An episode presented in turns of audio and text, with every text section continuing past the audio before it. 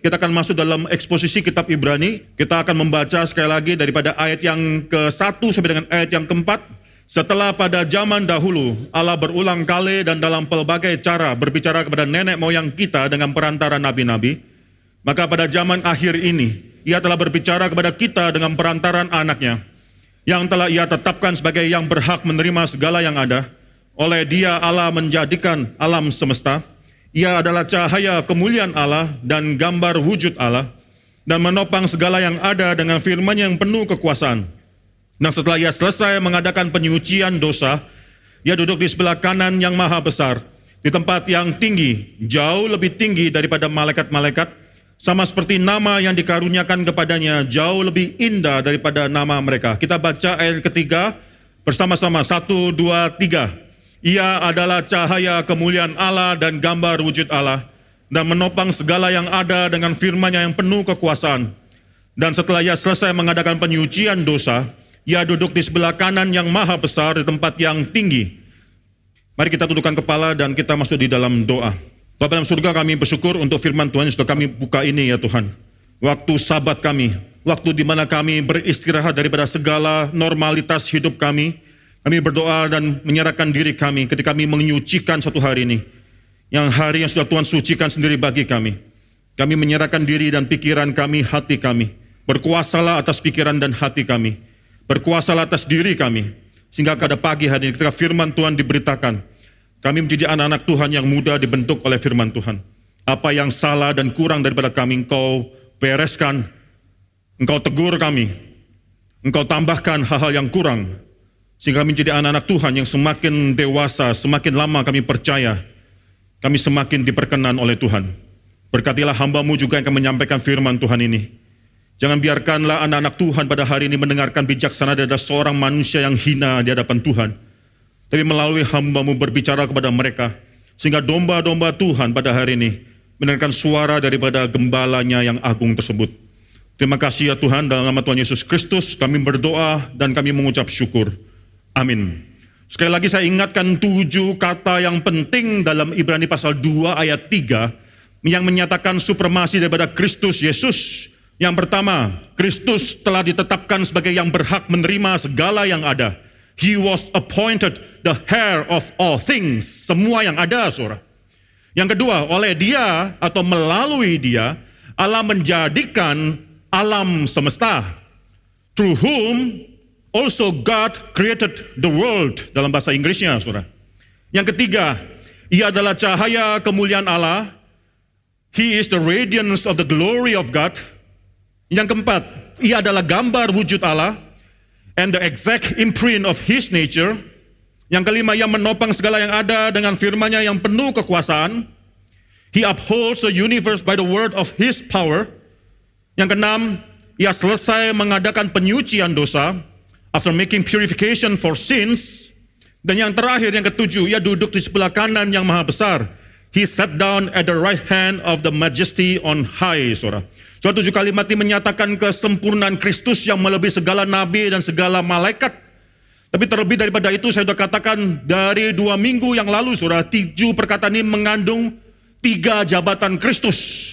Yaitu sebagai raja, sebagai nabi, dan sebagai imam. Saudara saya katakan sekali lagi dan saya tegaskan sekali lagi. Ketiga jabatan ini harus terus kita perhatikan. Bahkan saya percaya hanya teologi reform Khususnya melalui pemikiran daripada John Calvin yang menekankan ketiga jabatan ini. Jabatan yang berbeda tapi sekaligus harus ditekankan bersama-sama. Kita tidak bisa mengatakan bahwa Yesus adalah jabatannya raja lebih penting daripada jabatan nabi atau imam. Atau nabi lebih penting daripada raja atau imam. Atau imam lebih penting daripada raja dan nabi. Tidak bisa. Ketiganya sekaligus harus ditekankan, saudara. Kesalahan teologis terjadi ketika satu daripada jabatan ini lebih ditekankan daripada jabatan-jabatan yang lain. Buffing sekali lagi menekankan bahwa ketiga jabatan ini walaupun berbeda tapi inseparable, tidak bisa dipisahkan. Saya tidak mengulangi lagi contoh-contoh yang kemarin sudah kita bahas mengenai the inseparability, ketidakterpisahan daripada ketiga jabatan ini, saudara. Tapi sekali lagi, saudara, memegang ketiga jabatan ini sekaligus. Calvin katakan itu adalah fondasi daripada iman yang menyelamatkan kita. Ini suatu statement yang sangat besar sekali karena iman yang menyelamatkan kita Sekali kita berpikir itu adalah mengenai Tuhan Yesus Kristus sebagai imam. Tidak, tapi juga sebagai raja dan sebagai nabi sekaligus sebagai imam. Itu harus dipegang sekaligus. Buffy juga menyatakan memegang ketiga jabatan ini sekaligus membuat gereja akhirnya tidak gampang salah, saudara. The health of the church is very important di sini. Saudara, dua minggu yang lalu kita sudah bicara mengenai Kristus sebagai raja dari kalimat yang pertama.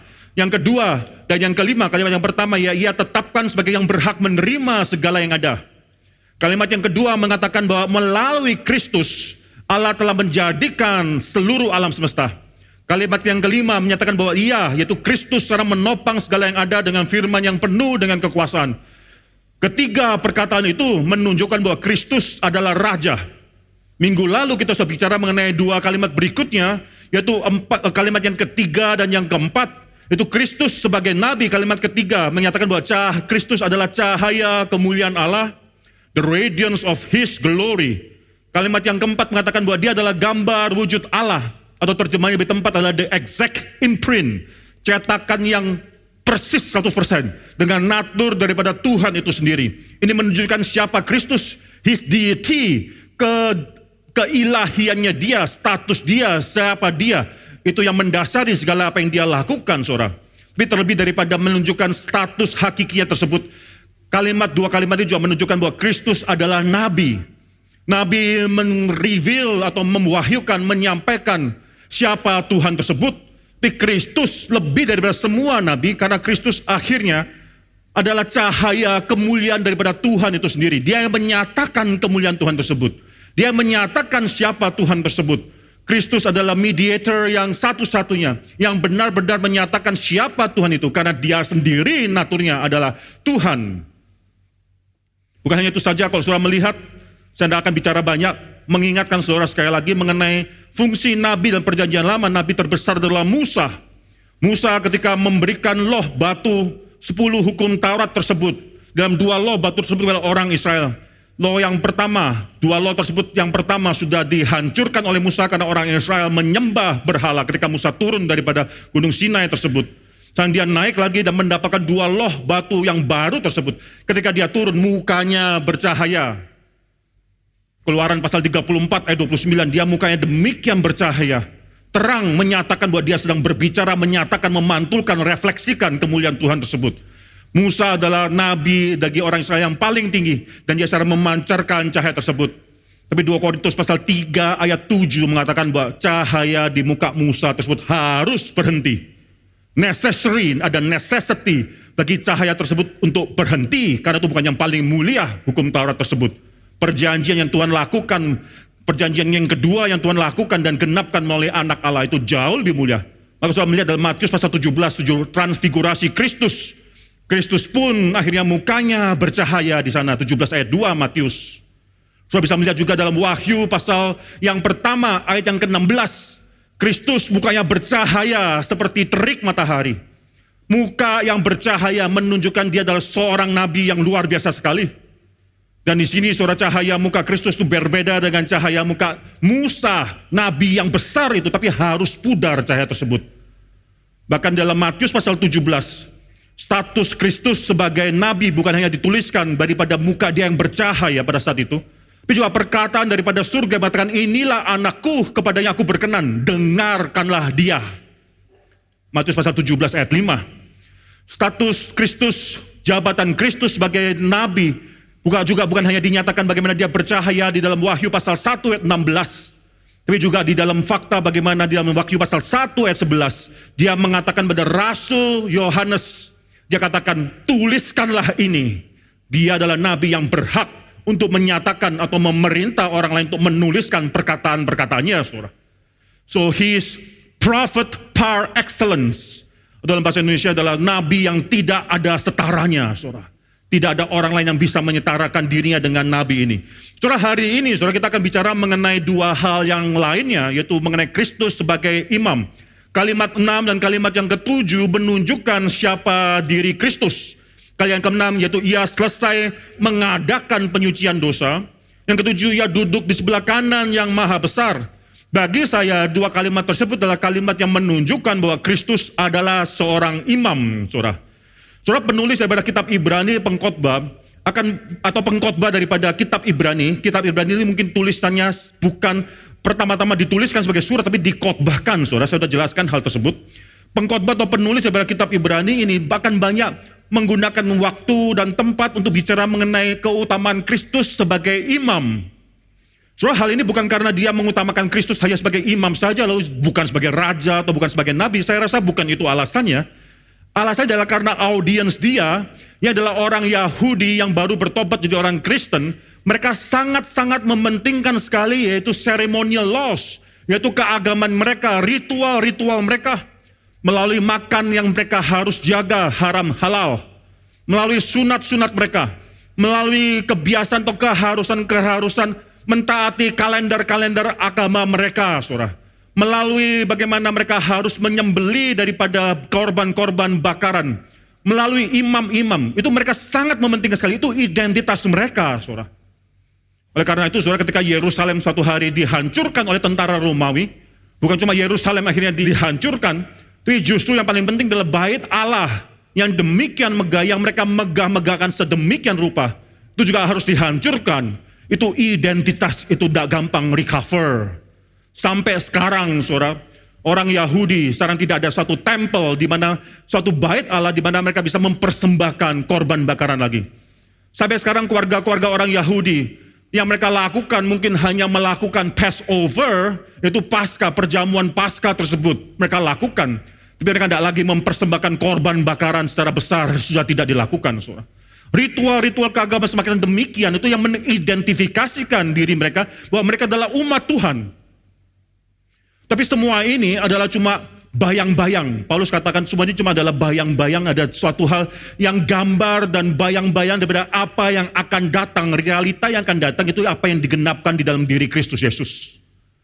Maka sekarang saudara, mengapa kita tidak melakukan lagi korban bakaran? Sudah tidak perlu. Kalau kita masih mempersembahkan korban bakaran, kita menyatakan, mendeklarasikan kepada dunia bahwa apa yang sudah Tuhan lakukan, Tuhan genapkan di atas kayu salib itu masih belum selesai. Masih belum genap, masih harus ada suatu hal lain yang harus kita lakukan supaya Tuhan akhirnya memperkenankan hidup-hidup kita, saudara. Mengapa kita sekarang dalam gereja tidak ada yang namanya high priest?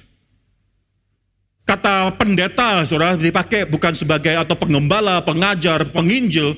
Kita memakai kata priest, imam di dalam gereja, apalagi imam besar dalam gereja. Sudah tidak ada, tidak perlu. Karena imam besar kita itu adalah Kristus Yesus. Di dalam kekristenan, saudara, sudah tidak ada yang namanya suatu gereja bait Allah yang mewakili semua kekristenan. Sudah tidak perlu lagi.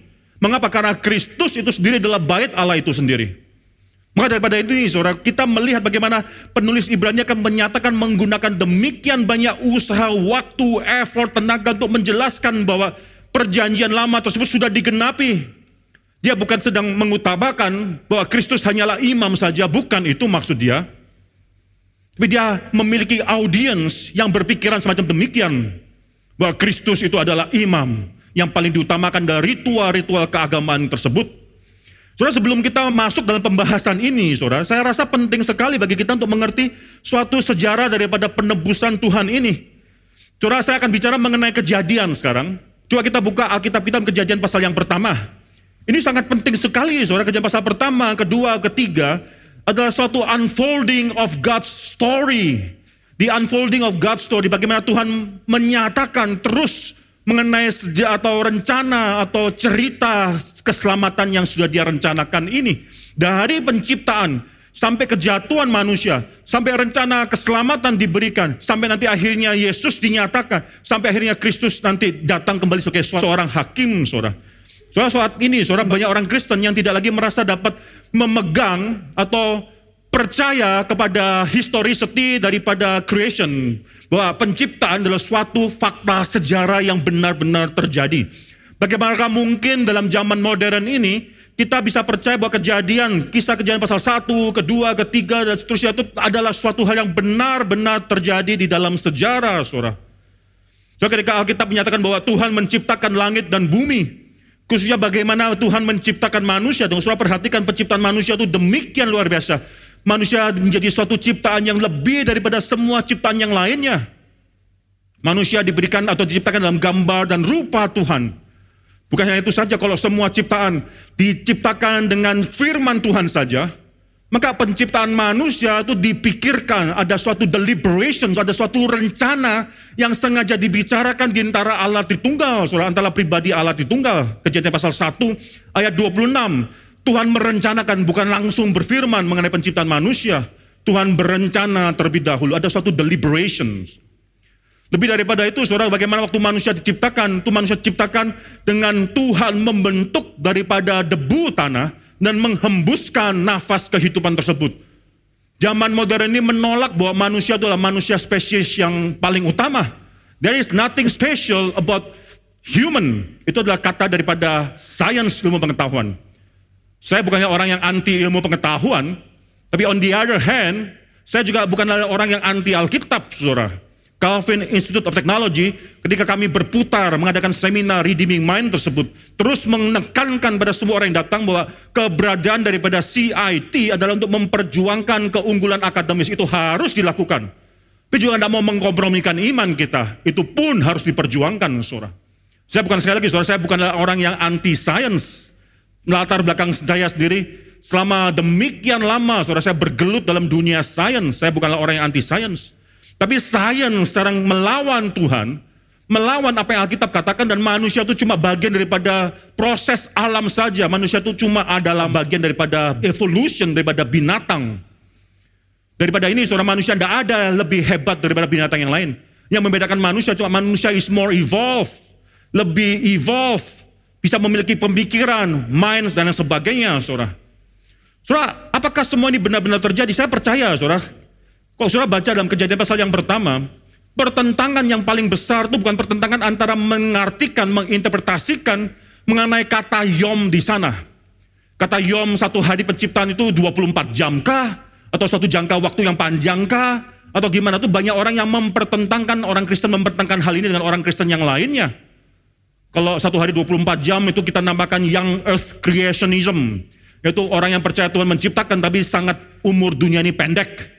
Ada orang Kristen lainnya yang bahwa satu hari penciptaan itu satu jangka yang panjang sekali, tetap creationism, Tuhan menciptakan, tapi dalam suatu namanya old earth, dumur dunia ini sudah lama. Saudara menurut saya, kita ada orang yang mengatakan demikian, saudara. Saya pernah mendengar orang Kristen yang mengatakan bahwa siapa pun orang Kristen yang menerjemahkan Alkitab kejadian pasal 1, satu hari penciptaan itu bukan 24 jam, dia adalah orang yang sudah dipengaruhi teologi liberal, heterodoks. Saudara bagi saya itu sangat over, terlalu. Mengapa? Karena dalam sejarah gereja, Augustinus, Aquinas, bapak-bapak gereja yang kita akui, saudara, sebagai orang yang memiliki sejarah atau peran dalam perkembangan teologi kita sendiri pun, kita pernah menganggap mereka heterodoks, orang liberal. Tapi mereka percaya bahwa satu penciptaan itu bukan terjadi dalam enam hari penciptaan. Aquinas, Augustin terutama, percaya bahwa penciptaan itu semua terjadi serentak dalam satu waktu yang sama, saudara. Apakah kita akan katakan mereka heterodoks? Itu klaim yang terlalu over. Orang reform memberikan suatu kemungkinan satu hari penciptaan ini bisa dimengerti secara lebih luas. Bahkan satu waktu yang panjang sekalipun kita bisa ada room for that interpretation, ada waktu ruangan untuk interpretasi semacam demikian. Yang paling penting adalah exegesis apa yang mendukung interpretasi tersebut. Harus daripada Alkitab mendukung interpretasi tersebut. Suatu hari kalau ada kesempatan saya akan menyatakan atau mengajarkan hal ini lebih lanjut mengenai ada beberapa macam interpretasi. Ada paling sedikit tiga macam interpretasi terhadap kejadian pasal satu Itu mengenai hari penciptaan. Enam hari penciptaan dan satu hari Tuhan beristirahat. Ada paling sedikit tiga. Saudara. Saudara, tapi kita jangan salah. Saudara, perperangan yang paling utama antara orang, bukan antara orang Kristen, antara mengenai satu hari penciptaan berapa lama waktunya. Peperangan yang paling utama adalah antara orang Kristen gereja dan dunia ini. Antara yang saya katakan supernaturalisme, yang percaya bahwa Tuhan menciptakan, yang percaya bahwa alam semesta itu bukan hanya itu saja. Alam semesta itu bukan cuma realitas apa yang kita lihat. Realita daripada seluruh dunia ini bukan cuma apa yang terbatas dengan apa yang bisa kita lihat, yang bisa kita rasakan, yang bisa kita pikirkan. Naturalisme. Tapi kekristenan adalah supernaturalisme dari awal sampai akhir. Kalimat pertama dari buku pertama, dari pasal pertama, ayat yang pertama. Yaitu apa?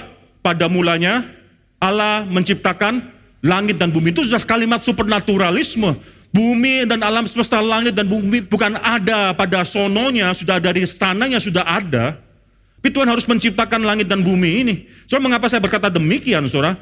Karena saya bisa memberikan suatu ruangan, kita mengerti kejadian pasal satu ini sebagai suatu mungkin waktu yang panjang, satu hari bukan harus 24 jam. Tapi yang paling penting, yang harus kita imani, yang harus kita percayai adalah ini suatu fakta penciptaan historis Jangan jadikan interpretasi satu hari penciptaan 24 jam kah atau lebih dari 24 jam sebagai suatu tes terhadap ortodoksi iman Kristen. Banyak orang Kristen menggunakan kejadian pasal satu kata yom untuk mengetes atau memberikan suatu judgment. Engkau orang yang liberal atau orang yang konservatif. Jangan, saudara. Tapi pakailah historicity daripada creation. Apakah penciptaan itu suatu kisah yang historis yang terjadi sebagai test of ortodoksi, saya masih bisa lebih menerima itu.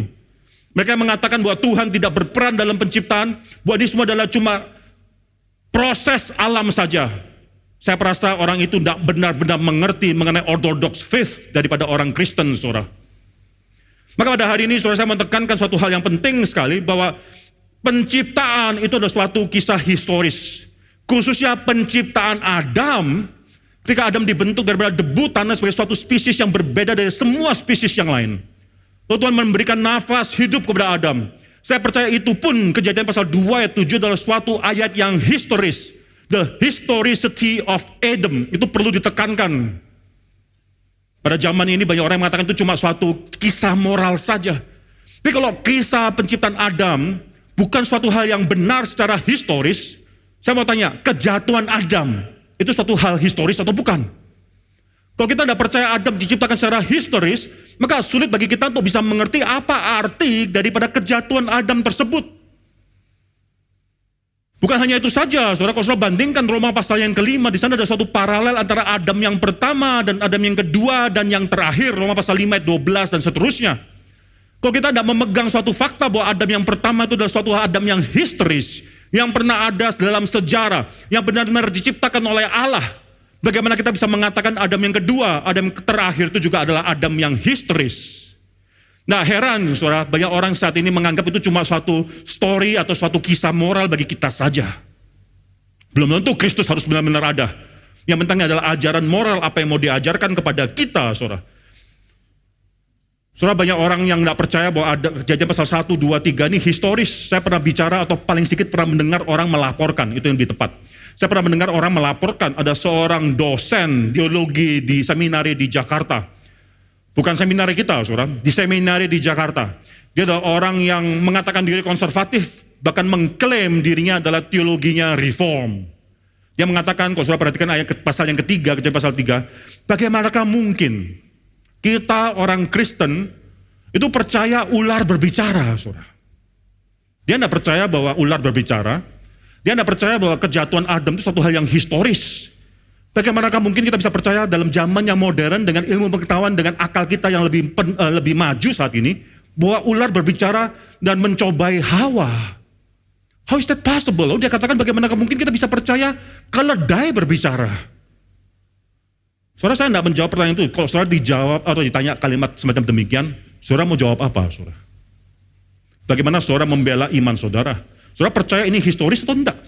Saudara percaya ini benar-benar terjadi atau tidak? Kalau saudara ter, terganggu, tersandung dengan suatu fakta bahwa ular berbicara, tidak heran kalau saudara tersandung dengan suatu fakta yang lebih besar lagi bahwa Kristus dibangkitkan dari antara orang mati.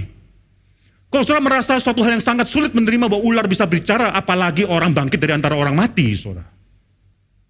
Maka daripada ini, saudara jangan lupa bahwa pemenangan kita itu bukan cuma naturalisme. Kita melihat dunia ini bukan cuma dunia, dan apa yang dalam dunia harus dijelaskan secara logika melalui proses dunia, itu naturalisme. Maka binatang bagaimana bisa berbicara? Lalu Kristus bagaimana bisa bangkit? Saudara menjadi orang beriman apa? Tapi kalau saya perlihat kita bukan percaya naturalisme, kita percaya supernaturalisme ada dunia lain yang bukan cuma terbatas dengan mata dan paca indera kita saja. Mengapa Kristus bisa bangkit dari antara orang mati? Karena Allah membangkitkan dia. Mengapa ular bisa berbicara? Karena si setan menggunakan ular untuk berbicara pada saat itu. Apa salahnya, apa sulitnya mengerti hal ini? Jangan jadi orang Kristen yang terus dipaksakan oleh orang dunia untuk harus mengerti dunia, menginterpretasikan dunia dari sudut pandang dunia. Jangan menjadi orang semacam demikian. Saudara, mengapa saya menekankan hal ini? Karena ini penting, saudara mengatakan bahwa apa yang Alkitab katakan itu bukan cuma story moral saja. Ada suatu hal yang benar-benar terjadi, harus kita pelajari kejatuhan Adam, satu hal yang benar-benar terjadi. Pada suatu hari, saudara, ada seorang anak yang pulang ke, dari, dari sekolah minggu ke rumah. Lalu orang tuanya, mamanya tanya, hari ini Lause ajar apa? Apa yang diajarkan oleh guru sekolah minggumu? Lalu si anak menjawab dengan santainya, oh mengenai Musa memimpin orang Israel keluar daripada Mesir. Oh, mamanya mulai tertarik. Tolong ceritakan, mama mau ngecek lausinya ngajar apa ini ya, anaknya ngerti sejauh mana. San tolong cek, tolong ceritakan mengenai cerita ini. Lalu si anak itu menjelaskan demikian, saudara. Oh, waktu itu Musa waktu keluar daripada tanah Mesir, perang mah, tank lawan tank. Ya, Musa bawa juga F-16 katanya. Berperang lawan F-16-nya Israel uh, Mesir. Mereka melawan dan perang-perangan lalu pakai basuka lah, pakai apalah, pakai senapan mamanya melotot, saudara. Hah? Lausu ajar ini? Iya mah. Itu ajar taktik perang dan sebagainya. Musa mengalahkan Israel akhirnya. Mama bilang, saya tidak percaya. Tidak mungkin Lausu mengajarkan demikian. Lalu menekan anak tersebut. Apakah benar Lausu mengajarkan ini? Apakah benar sekolah minggu mengajarkan ini? Loh mama nggak percaya. Mama nggak percaya. Mah, kata anak tersebut. Kalau ini aja mama nggak percaya, apalagi cerita aslinya mah. Itu lebih gak bisa dipercaya mah. Itu Musa buka laut kolsom lah sebagainya. Itu sangat susah dipercaya. Saudara cerita mengenai Musa membuka laut kolsom orang dunia ini sekarang mencoba mencari akal. Tidak bisa dijelaskan dengan metode sains, saudara. Laut kolsom dibukakan, lalu setelah dibukakan, itu mereka berjalan di atas tanah kering. Bukan tanah basah, tanah kering, saudara. How is that possible? Manusia saya tidak bisa menjelaskan.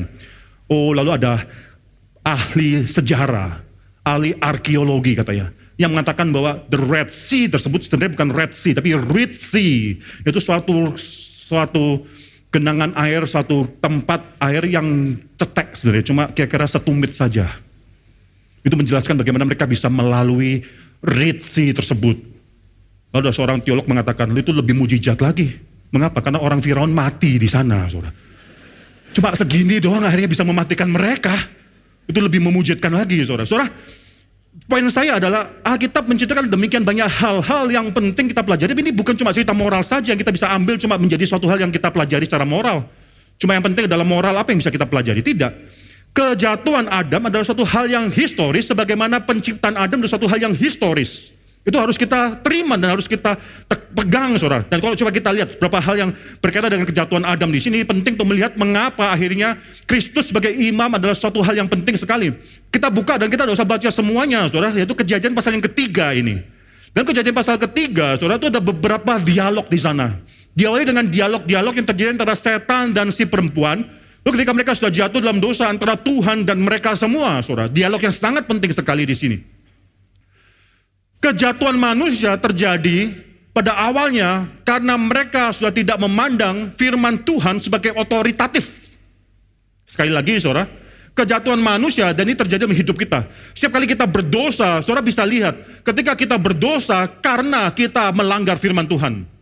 Ketika kita berdosa karena kita tidak menganggap bahwa firman Tuhan adalah suatu hal yang otoritatif dalam hidup kita. Kita tahu itu penting, tapi itu cuma satu opinion. Kita pun memiliki opinion yang lain. Coba perhatikan kejadian pasal 3 ayat yang pertama saudara. Setan sudah melakukan suatu penyelecehan atau penyelewengan terhadap firman Tuhan. Twisting the word of God. Ya ular adalah yang paling cerdik dari segala binatang di darat. Lalu berkata kepada perempuan tentulah Allah berfirman. Semua pohon dalam taman ini jangan kamu makan buahnya bukan. Ular sengaja twisted the word of God membuat manusia meragukan kebaikan Tuhan. Sebenarnya Tuhan mengatakan semua boleh kau makan kecuali satu pohon ini. Pohon mengenai pengetahuan yang baik dan jahat tidak boleh kau makan buahnya karena pada hari kau makan buah tersebut engkau akan pasti mati. Misalnya ular merubah, memberikan suatu interpretasi yang lain, mencobai manusia dengan merubah perkataan Tuhan. Sekali cobaan daripada si setan datang karena kita tidak benar-benar mengerti firman Tuhan. Kita nggak benar-benar mengerti isi dan setiap perkataan firman Tuhan. Ketika kita dicobai, kita tidak bisa mengkutip firman Tuhan yang sudah kita baca untuk melawan cobaan tersebut. Perhatikan ketika Tuhan Yesus dicobai di dalam padang gurun. Dia dicobai dan setiap kali dia menjawab ular tersebut, dia menjawab dengan firman Tuhan, mengutip firman Tuhan. Saudara kita perlu, saudara, orang dewasa, anak muda, membiasakan diri waktu membaca Alkitab bukan cuma baca. Bukan cuma, oh hari ini saya sudah selesai satu pasal. Pokoknya sudah setor, sudah setor order, selesai membaca. Tiap hari sudah membaca. Tapi firman Tuhan direnungkan, kata-kata tersebut kita renungkan. Ada kata apa yang menguatkan kita, kita simpan, kita hafalkan. Kita kasih, buka suatu bank, bank daripada apa itu? Deposito daripada firman Tuhan. Saya pernah melihat suatu video yang luar biasa. Yaitu ketika anak-anak biasanya diajarkan alfabet A, B, C, D, E, F, G, H ya, alfabet A, lalu kalimat keluar apel, B, apa misalnya bebek, dan seterusnya. Saudara. Tapi keluarga ini akhirnya menggunakan kesempatan tersebut untuk mengingat atau mengajak anak itu ingat ayat-ayat Alkitab. A, keluar ayat Alkitab yang mulai dengan kata A. B, keluar ayat Alkitab yang mulai dengan kata B, saudara sampai Z terus. Saudara saya rasa itu suatu hal yang sangat indah ditampilkan oleh diri anak tersebut. Ini ke saudara, si ular, setan sengaja twisted the world of God. Dan yang paling parah akhirnya adalah si Hawa ketika dicobai juga tidak benar-benar mengerti firman Tuhan tersebut. Saudara coba lihat ayat yang kedua. Lalu saat perempuan itu kepada ular itu, buah pohon-pohonan dalam taman ini boleh kami makan, tapi tentang buah pohon yang ada di tengah-tengah taman Allah berfirman, jangan kamu makan ataupun raba buah itu. Dia tambahkan sendiri kalimat daripada Tuhan ini, saudara. So menarik adalah akhirnya mereka jatuh, Hawa jatuh, Hawa melihat ayat yang ketiga, kalau saudara lihat dibalas dengan ayat keempat, ular berkata sekali-kali kamu tidak akan mati, tapi Allah mengetahui bahwa pada waktu kamu memakannya matamu akan terbuka dan kamu akan menjadi seperti Allah, tahu tentang yang baik dan yang jahat. Lalu perempuan itu melihat bahwa buah pohon itu baik untuk dimakan. Sedap kelihatannya. Lagi pula pohon itu menarik hati karena memberi pengertian. Lalu di sana dikatakan, lalu yang mengambil buahnya dan dimakannya dan diberikannya juga kepada suami yang bersama-sama dengan dia di sampingnya. Maksudnya apa? Ketika si setan mencobai Hawa, Adam itu nggak jauh daripada dia. Tapi yang apa yang terjadi? Adam pada hari itu tidak mengambil fungsi sebagai raja, tidak mengambil fungsi sebagai nabi, tidak mengambil fungsi sebagai imam. Apa yang terjadi? Dia yang seharusnya menguasai semua ciptaan, sampai membiarkan ciptaan berbicara dan menggoda istrinya dan membiarkan ordo dibalik. Dia yang seharusnya menjadi imam, menjadi moder atau um, mediator maaf saudara, menjadi mediator antara Tuhan dan ciptaan. Dia sekarang membiarkan si setan menjadi mediator, memberikan interpretasi yang berbeda terhadap dia dan terhadap kepada istrinya. Dia yang seharusnya menjadi seorang nabi memberitakan kebenaran firman Tuhan, diam tidak melakukan hal tersebut. Saudara. Maka pada saat itu saya percaya saudara, kegagalan satu keluarga Seringkali bukan dimulai ketika seseorang sudah melakukan kesalahan. Di kegagalan sejak semula salah mengerti fungsi daripada si suami. Saya akan terus tekankan di sini, saudara, di dalam Geri Karawaci. Suami harus mengambil peran sebagai suami. Suami adalah kepala keluarga, bukan saudara menikmati bahwa satu fakta bahwa semua harus mendengarkan saudara, istri harus tunduk kepada suara pada saudara. Saudara adalah kepala keluarga karena saudara akan dituntut lebih banyak daripada semua orang dalam keluarga saudara. Kalau keluargamu gagal, salah dan sebagainya, itu tanggung jawab suami. Suami harus to some extent mengerti bahwa dia bertanggung jawab atas semua arah hidup daripada keluarganya tersebut. Suatu hari kita akan bicara lebih banyak mengenai keluarga, saudara. Saya merasa perlu ada suatu revival dalam konsep kita mengenai keluarga. Pada saat ini saya melihat banyak sekali keluarga Kristen menganggap bahwa mendidik anaknya adalah tugas daripada orang lain. Yang paling penting kirimkan anaknya ke sekolah minggu. Yang paling penting kirimkan anaknya ke, ke sekolah Kristen dan sebagainya. Tapi fungsi daripada orang tua, khususnya suami dalam mendidik anak tidak terlalu banyak dijalankan. Bahkan suami selalu berpikir cari uang, mendidik anak adalah tugas daripada istri. Istri pikir mendidik anak adalah tugas daripada mungkin susternya, atau mungkin adalah tugas daripada orang lain, sekolah atau guru sekolah minggu tidak melakukan pendidikan anak dengan baik. Perlu ada suatu kebangunan dalam hal ini, saudara. Kita bicara dalam waktu yang lainnya di sini. Saudara, saya mau tekankan satu kalimat itu kejatuhan Adam dan Hawa di sini adalah karena mereka diiming-imingi ayat keempat. Sekali-kali kamu tidak akan mati, Tetapi ayat kelima, tapi Allah mengetahui pada waktu kamu memakan, matamu akan terbuka dan kamu akan menjadi seperti Allah. Kalimat daripada si setan ini diafirmasi oleh Tuhan itu sendiri. Baca ayat yang ke-22, saudara. Berfirmanlah Tuhan Allah, sesungguhnya manusia itu telah menjadi seperti salah satu daripada kita, tahu tentang yang baik dan yang jahat. Ini kalimat daripada setan, sekarang diafirmasi oleh Tuhan. Memang benar bahwa setelah manusia berdosa, manusia menjadi salah satu dari seperti kita. Saudara setan mengiming-iming manusia, engkau akan menjadi seperti Tuhan. Ironisnya, manusia memang diciptakan seperti Tuhan. Dalam gambar dan rupa Tuhan kita diciptakan. Maka di sini saudara mereka setelah salah mengerti mengenai tugas daripada manusia tersebut, mereka menjadi ingin seperti Tuhan, mengetahui yang baik dan yang menjahat itu kata kunci di sana. To be like God, knowing good and evil. Bukan berarti bahwa manusia baru pertama kali pada hari itu setelah makan baru tahu apa yang baik dan apa yang jahat. Sebelumnya tidak tahu. Lalu setelah makan baru tahu apa yang baik dan apa yang jahat. Bukan itu saya rasa bukan waktu maksudnya. Karena manusia diciptakan sebagai wakil Allah seharusnya sudah tahu di dalam gambar dan rupa Allah diciptakan. Seharusnya sudah tahu apa itu yang baik dan apa itu yang jahat.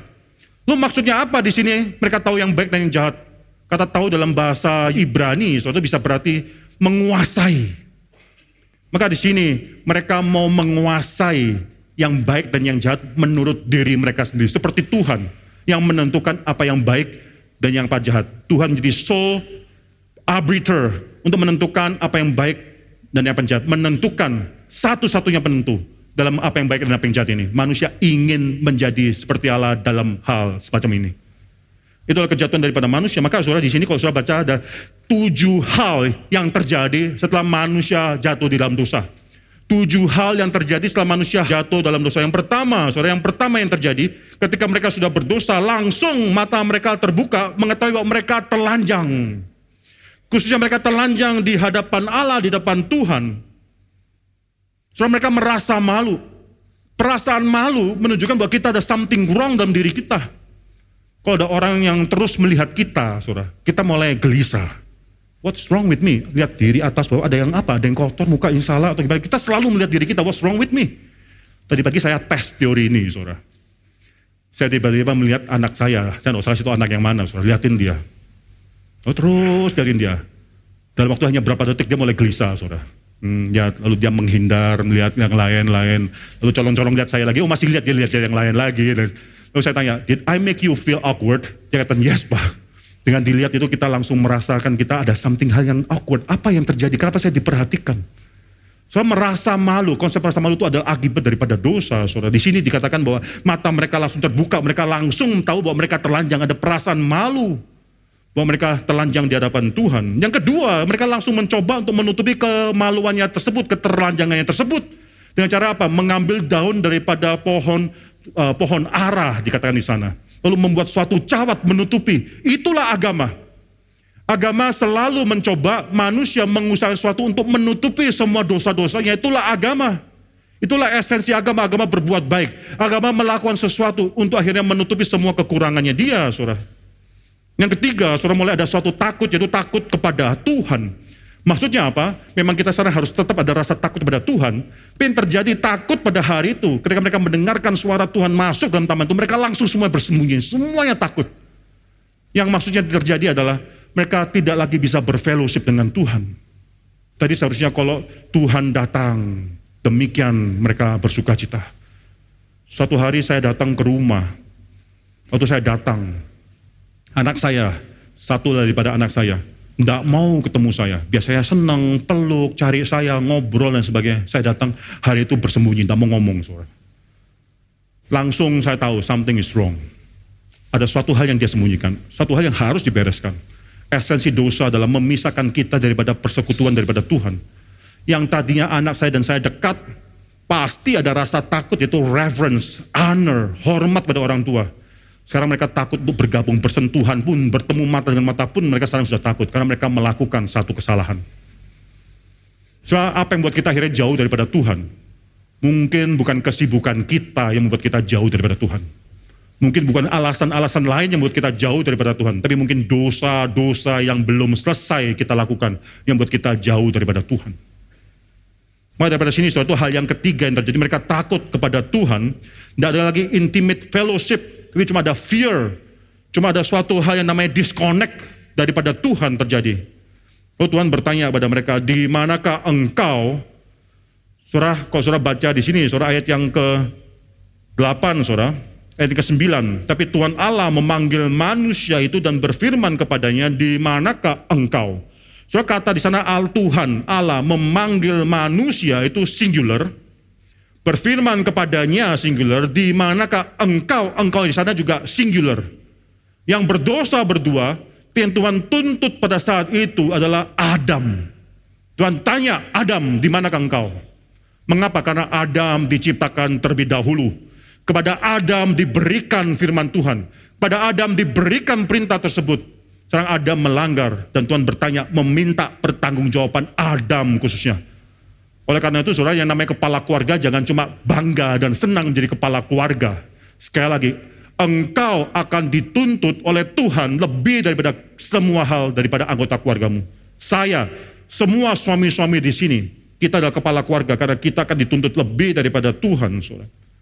Maka di sini, saudara, apa yang dimaksudkan di sini? Di manakah engkau? Ada dua arti, saudara. Yang pertama adalah mengartikan bahwa memang adalah geographical separation. Tuhan percaya di manakah engkau? Bukan berarti Tuhan sedang bertanya, Tuhan tidak tahu di mana Adam, bukan. Tapi Tuhan meminta pertanggungjawaban dari Adam. Mengapa sekarang kau bersembunyi?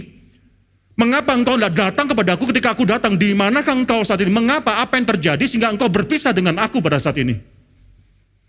Yang kedua adalah masalah posisi daripada Adam. Itu ordo daripada creation sudah terbalik. Di manakah sekarang posisimu di dalam penciptaan ini? Engkau sudah wakilku. Tapi where is it now? Tuhan meminta pertanggungjawaban Adam. Hal yang keempat yang terjadi, saudara, setelah Adam jatuh dalam dosa, saudara, creational order itu langsung terbalik. Ketika Tuhan meminta pertanggungjawaban daripada Adam, ayat ke-12, Adam menyalakan Hawa. Ma perempuan yang kau ciptakan dan kau taruh di sampingku untuk mendampingi aku, itu loh gara-gara dia. Sekarang menyalakan, sebenarnya lempar tanggung jawab kepada Tuhan. Lalu ketika Tuhan menanya pada perempuan, apa yang kau lakukan? Oh si ular ayat ke-13. Si ular tersebut yang ada dalam taman ini, maksudnya sekarang kembali menyalakan Tuhan lagi. Engkau yang menciptakan ular tersebut yang kau biarkan ada dalam taman itu. Itulah yang membuat aku jatuh dalam dosa. Manusia yang sehari-hari hanya bisa menyalahkan. Mereka biasanya adalah mengakui satu hal bahwa mereka tunduk tidak bisa mengkontrol hal-hal di atas tersebut yang membuat mereka akhirnya harus memakai otoritas di atas tersebut untuk menyalakan dia atau menyalakan atau menjawab atau menjawab mengapa mereka melakukan suatu kesalahan. Kenapa telat? Oh macet, itu paling sering di Jakarta. Loh ini kenapa telat? Meeting jam 7.30 engkau baru datang jam 8. Mengapa telat? Oh macet. Mengapa nilaimu jelek? Oh karena mama suruh saya kemarin kerja hingga capek sehingga saya akhirnya tidak bisa belajar. Selalu saudara, memakai suatu alasan. Orang yang suka pakai alasan, adalah orang yang selalu menganggap bahwa dia tidak bisa disalahkan. Selalu ada alasan lain yang bisa menjelaskan mengapa dia akhirnya jatuh atau salah atau melakukan suatu kekurangan dan sebagainya. Mengapa macet? Eh, mengapa telat? Gara-gara macet. Sebenarnya jawabannya lebih baik adalah karena saya tidak bisa hitung waktu. Gampang, saudara. Mengakui saja karena saya tidak bisa menghitung waktu, tidak bisa memperkirakan waktu, tidak bisa make time sehingga saya akhirnya terjebak dalam macet, tidak bisa menghitung waktu macet dan sebagainya. Mengapa nilaimu jelek?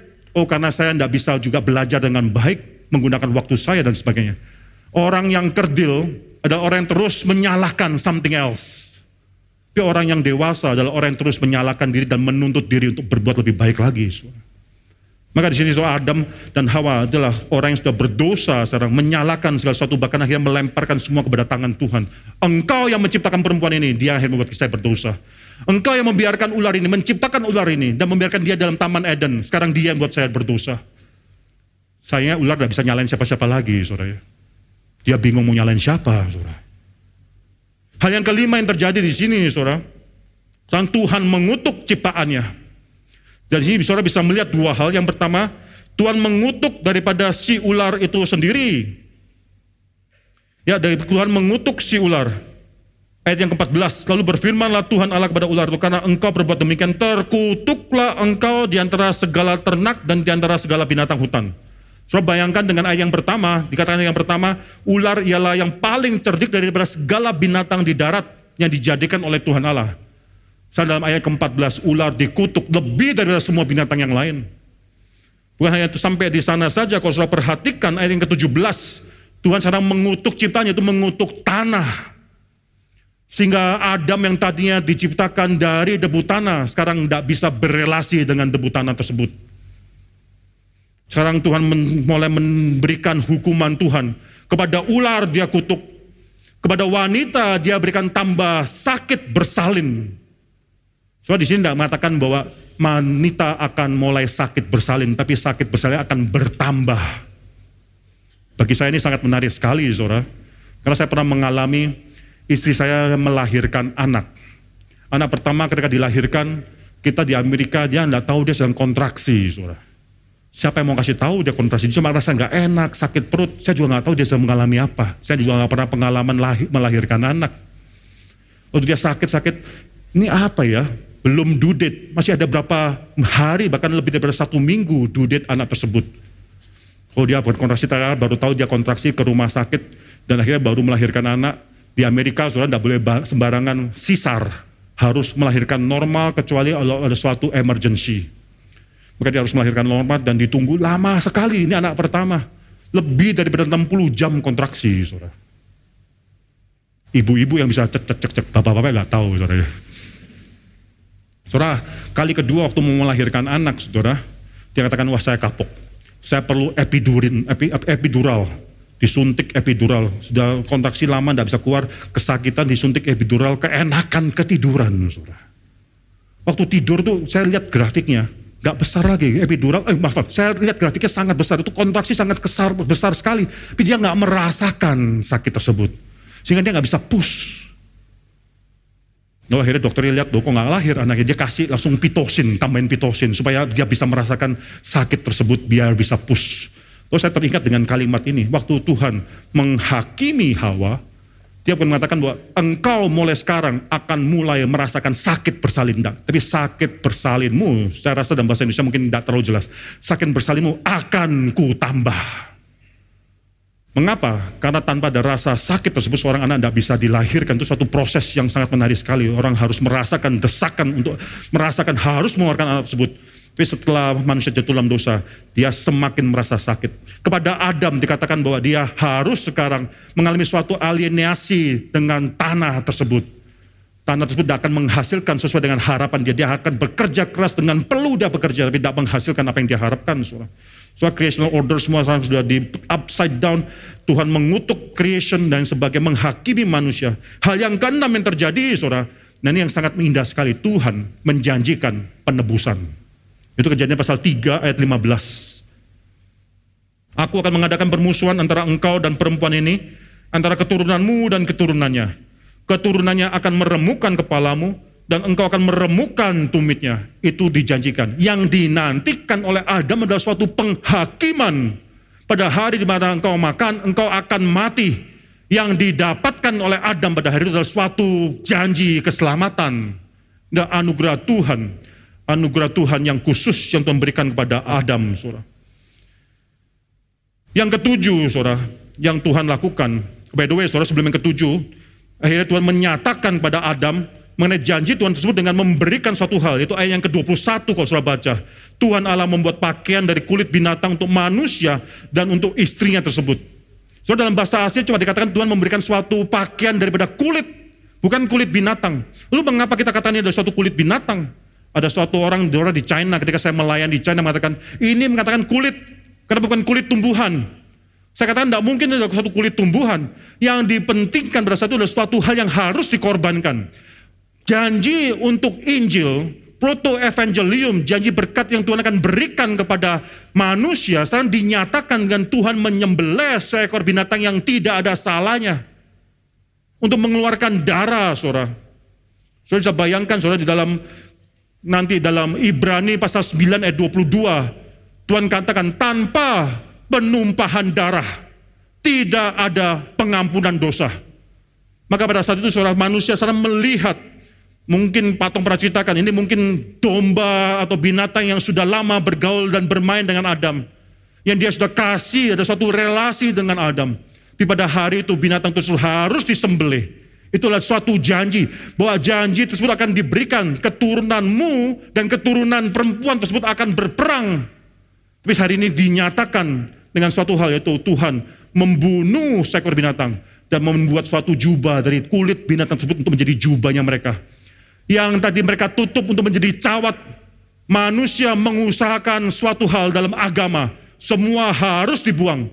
Harus akhirnya Tuhan yang memberikan sesuatu bagi mereka, mengerjakan sesuatu, yaitu akhirnya mencurahkan darah bagi mereka, membuat suatu jubah kebenaran daripada satu orang yang tidak melakukan dosa adalah suatu dasar daripada kebenaran kita. Itu sudah dilihat daripada kejadian pasal 3 ini. Saudara. Yang ketujuh, saudara, kalau tadi kita bicara mengenai kasih daripada anugerah khusus Tuhan. Yang ketujuh adalah anugerah daripada umum Tuhan, saya katakan. Apa yang terjadi? Setelah itu Adam dan Hawa diusir daripada Taman Eden. Dan lalu Taman Eden Tuhan berikan suatu cherubim. Cherubim yang akhirnya memiliki pedang bernyala api dan merintangi mereka untuk bisa kembali. Ini suatu hukuman, tapi sekaligus dalam hukuman Tuhan kepada manusia berdosa, masih ada anugerah umum Tuhan. Mengapa? Adam atau Tuhan katakan di sana, saudara. Ayat yang ke-22, saudara. Maka sekarang, jangan sampai ia mengulurkan tangannya dan kembali mengambil pula dari buah pohon kehidupan dan memakannya sehingga ia hidup untuk selama-lamanya. Lalu Tuhan Allah mengusir dia dari Taman Eden, supaya mengusahakan tanah dari mana ya diambil lalu menghalau manusia itu di sebelah timur dan seterusnya pakai kerubim saudara dengan suatu pedang yang bernyala-nyala merintangi manusia untuk kembali supaya apa? Supaya tidak ambil daripada buah pohon kehidupan. Mengapa itu penting? Berdosa lalu hidup selamanya. Maka dalam hal ini saudara kematian bagi orang berdosa itu adalah anugerah umum Tuhan. Mengapa saya katakan demikian? supaya mereka tidak hidup selama-lamanya di dalam dosa mereka. Orang berdosa dan mendapatkan hidup yang kekal, itu adalah suatu anugerah khusus daripada Tuhan. So ini adalah satu cerita yang sangat sederhana sekali memberikan kepada kita apa yang sedang terjadi dan mengapa akhirnya Tuhan memberikan janji tersebut. Proto Evangelium, kejadian pasal 3 ayat 15. Lalu Tuhan akan menyatakan bagaimana benih tersebut, yaitu keturun daripada si perempuan tersebut dinyatakan melalui janji kepada Adam, janji kepada Abraham, janji kepada Daud, janji kepada Yusuf dan Maria, dinyatakan inilah benih yang akan menyelamatkan seluruh umat manusia. Perlu waktu yang demikian lama untuk menyatakan siapa yang akan datang menyampaikan. Tapi selama ribuan tahun tersebut, seorang orang Israel terus menunggu, terus menunggu. Dan akhirnya Tuhan memakai satu cara, yaitu akhirnya mengingatkan mereka atas janji tersebut. Calvin pernah mengatakan, Tuhan memakai cara-cara yang kelihatan untuk menguatkan manusia terhadap janji yang tidak kelihatan tersebut. Sebelum Yesus datang, Tuhan memakai cara-cara yaitu sunat. Tuhan memakai cara-cara korban yang disembeli dan sebagainya. Mengapa ini penting? Supaya mengingat mereka darah. Baik itu daripada korban sembelihan. Baik itu daripada sunat ketika mereka disunat. Keluar darah tersebut. Tanpa penumpahan darah tidak ada pengampunan dosa. Mereka terus diingatkan ke sana.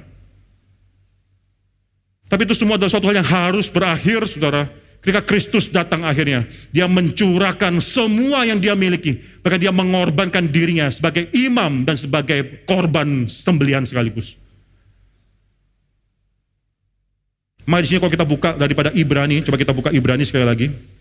Ada kalimat yang penting di sana yang mau saya katakan, saudara. Ibrani pasal yang pertama, ayat yang ketiga, ada dua kalimat yang di sana ia selesai mengadakan penyucian dosa. Hal yang pertama sudah bisa pelajari dari kalimat itu adalah dia bukan seperti seekor korban, seekor domba yang mau tidak mau harus disembelikan, bukan karena kehendak dia, domba digeret, domba disembelih tanpa kerasa atau minta izin daripada dia, tidak. Dia secara aktif mengatakan dia yang mengadakan penyucian dosa tersebut. Inilah bedanya antara the old covenant way and the new covenant people way. Di mana dalam new covenant Tuhan sacrifice bukan karena dipaksa, bukan karena terpaksa digeret, tapi karena dia menyerahkan dirinya untuk mati dan menjadikan korban bagi kita semua. Bukan hanya itu saja kalau saya perhatikan di sini pakai kata auris, dia mengadakan penyucian dosa. Pakai kata grammar dalam bahasa Yunani pakai kata auris, dia telah selesai, sempurna mengadakan penyucian dosa tersebut. Kalau saudara nanti dibandingkan dalam Ibrani pasal yang ke-10, saudara, itu perbandingan antara semua imam-imam sebelum Kristus dan Kristus. Imam-imam sebelum Kristus hari demi hari, waktu demi waktu bergiliran mereka harus memberikan persembahan korban yang berbeda-beda. Tapi Kristus hanya satu kali memberikan korban dirinya, selesai semua sudah cukup. Ini membuat dia akhirnya lebih utama daripada semua imam-imam. Karena kata auris yang dipakai, dia mengadakan penyucian dosa. Berarti satu kali dan selesai. Tidak perlu ada orang imam lain yang menggantikan dia lagi. Inilah keutamaan Kristus di sini, saudara. Yang lebih utama lagi, saudara, yang hal kedua yang saudara bisa pelajari itu kalimat yang kedua. Ia duduk di sebelah kanan yang maha besar.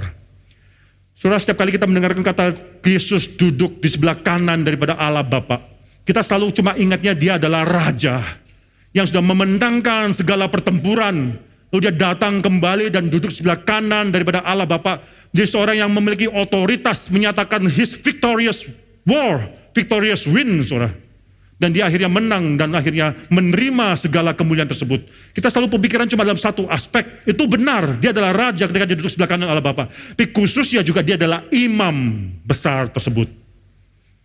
Mengapa ini demikian? Karena dia sekarang duduk. Imam besar ini bukan lagi berdiri lagi terus menerus. Tapi sekarang sudah duduk. Coba kita bandingkan dengan Ibrani pasal yang ke-10. Saudara. Ayat yang ke-11 ini langsung waktu saudara baca, saudara langsung mengerti apa maksud daripada penulis daripada kitab Ibrani ini. Selanjutnya, setiap imam melakukan tiap-tiap hari pelayanannya dan berulang-ulang mempersembahkan korban yang sama, yang sama sekali tidak dapat menghapuskan dosa. Tetapi ia setelah mempersembahkan hanya satu korban saja karena dosa, ia duduk untuk selama-lamanya di sebelah kanan Allah. Sorry, dalam tempel orang Ibra, orang Israel yang demikian mereka megahkan. Tidak ada satu kursi pun di dalamnya. Sehingga imam besar bisa melakukan penyembahan atau pengorbanan korban bakaran tersebut lalu duduk. Bisa berhadap kepada Tuhan lalu duduk. Tidak bisa. Mengapa? Karena mereka terus harus berdiri. Dosa manusia tidak bisa diselesaikan oleh apa yang mereka lakukan. Malah karena itu mereka harus sendiri mati. Mereka sendiri harus digantikan imam sebelum Kristus datang demikian banyak berganti satu demi satu. Korban berganti satu demi satu. Sampai ketika Kristus datang, dia mempersembahkan dirinya sebagai imam dan sebagai juga korban bakaran. Satu kali, satu kali dia lakukan di kayu salib. Maka daripada itu dia mengorbankan hanya satu kali saja.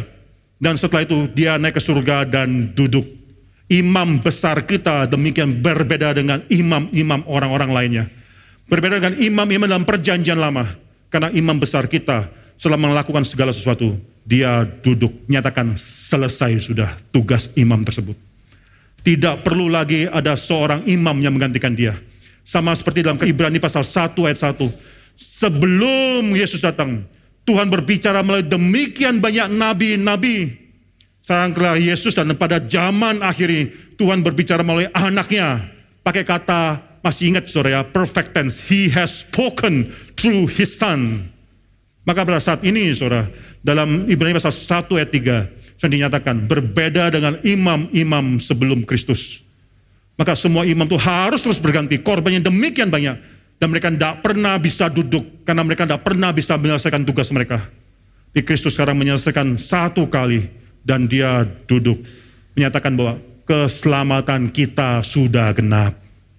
Anda dan saya semuanya yang berdosa ini, pengharapan kita hanyalah ada di dalam Kristus Yesus. Karena apa yang dia lakukan, once and for all, sudah selesai. Karena anak-anak Tuhan dikuatkan, perhatikan saudara, Kristus yang akhirnya mati bagi kita, yang memberikan kita semua nyawanya menjadi korban bagi kita adalah Kristus yang juga menjadikan segala ciptaan. Segala sesuatu diciptakan oleh dia, dia adalah menopang segala ciptaan dia juga akhirnya berkorban bagi Anda dan saya. Karena Tuhan dipermuliakan oleh hidup kita. Mari kita tundukkan kepala. Bapak yang surga kami menyerahkan khotbah yang sudah kami dengarkan ini ya Tuhan. Ketika hambamu sudah selesai berkhotbah, menyampaikan firman Tuhan. Tuhan terus berbicara dalam hati anak-anak Tuhan. Khususnya kita semua yang selama ini mungkin sedang mencari-cari suatu peristirahatan. Mungkin terus bergumul dalam dosa-dosa kami ya Tuhan yang mungkin terus akhirnya menanyakan mengenai keselamatan yang kami miliki. Oh Tuhan ajar pada kami mengenai satu hal bahwa bukan kami yang menyelamatkan diri kami. Bukan kami yang berusaha untuk membuat diri kami diperkenankan oleh Tuhan. Sebagaimana Tuhan sudah mengorbankan seekor binatang dalam Taman Eden bagi Adam dan bagi Hawa. Kau juga akhirnya menggenapkan karya keselamatan Tuhan yang demikian penuh arti ini dengan mengorbankan anakmu bagi kami semua ya Tuhan. Sekarang beri kami suatu rest mengetahui bahwa bukan kami yang mencoba membeli surga, tapi Tuhan sudah memberikan surga bagi kami melalui pengorbanan anak Tuhan. Kami bersyukur untuk Allah anaknya adalah imam besar kami. Apa yang dia lakukan sudah menggenapkan semua hal. Apa yang dia lakukan sudah menutupi semua kekurangan-kekurangan daripada imam-imam sebelumnya. Dia adalah raja nabi, dan imam ke dalam tangan Tuhan yang memegang jabatan tiga ini ya Tuhan. Kami serahkan hidup kami, kami serahkan hidup keluarga kami. Dalam nama Tuhan Yesus Kristus kami berdoa, kami mengucap syukur. Amin.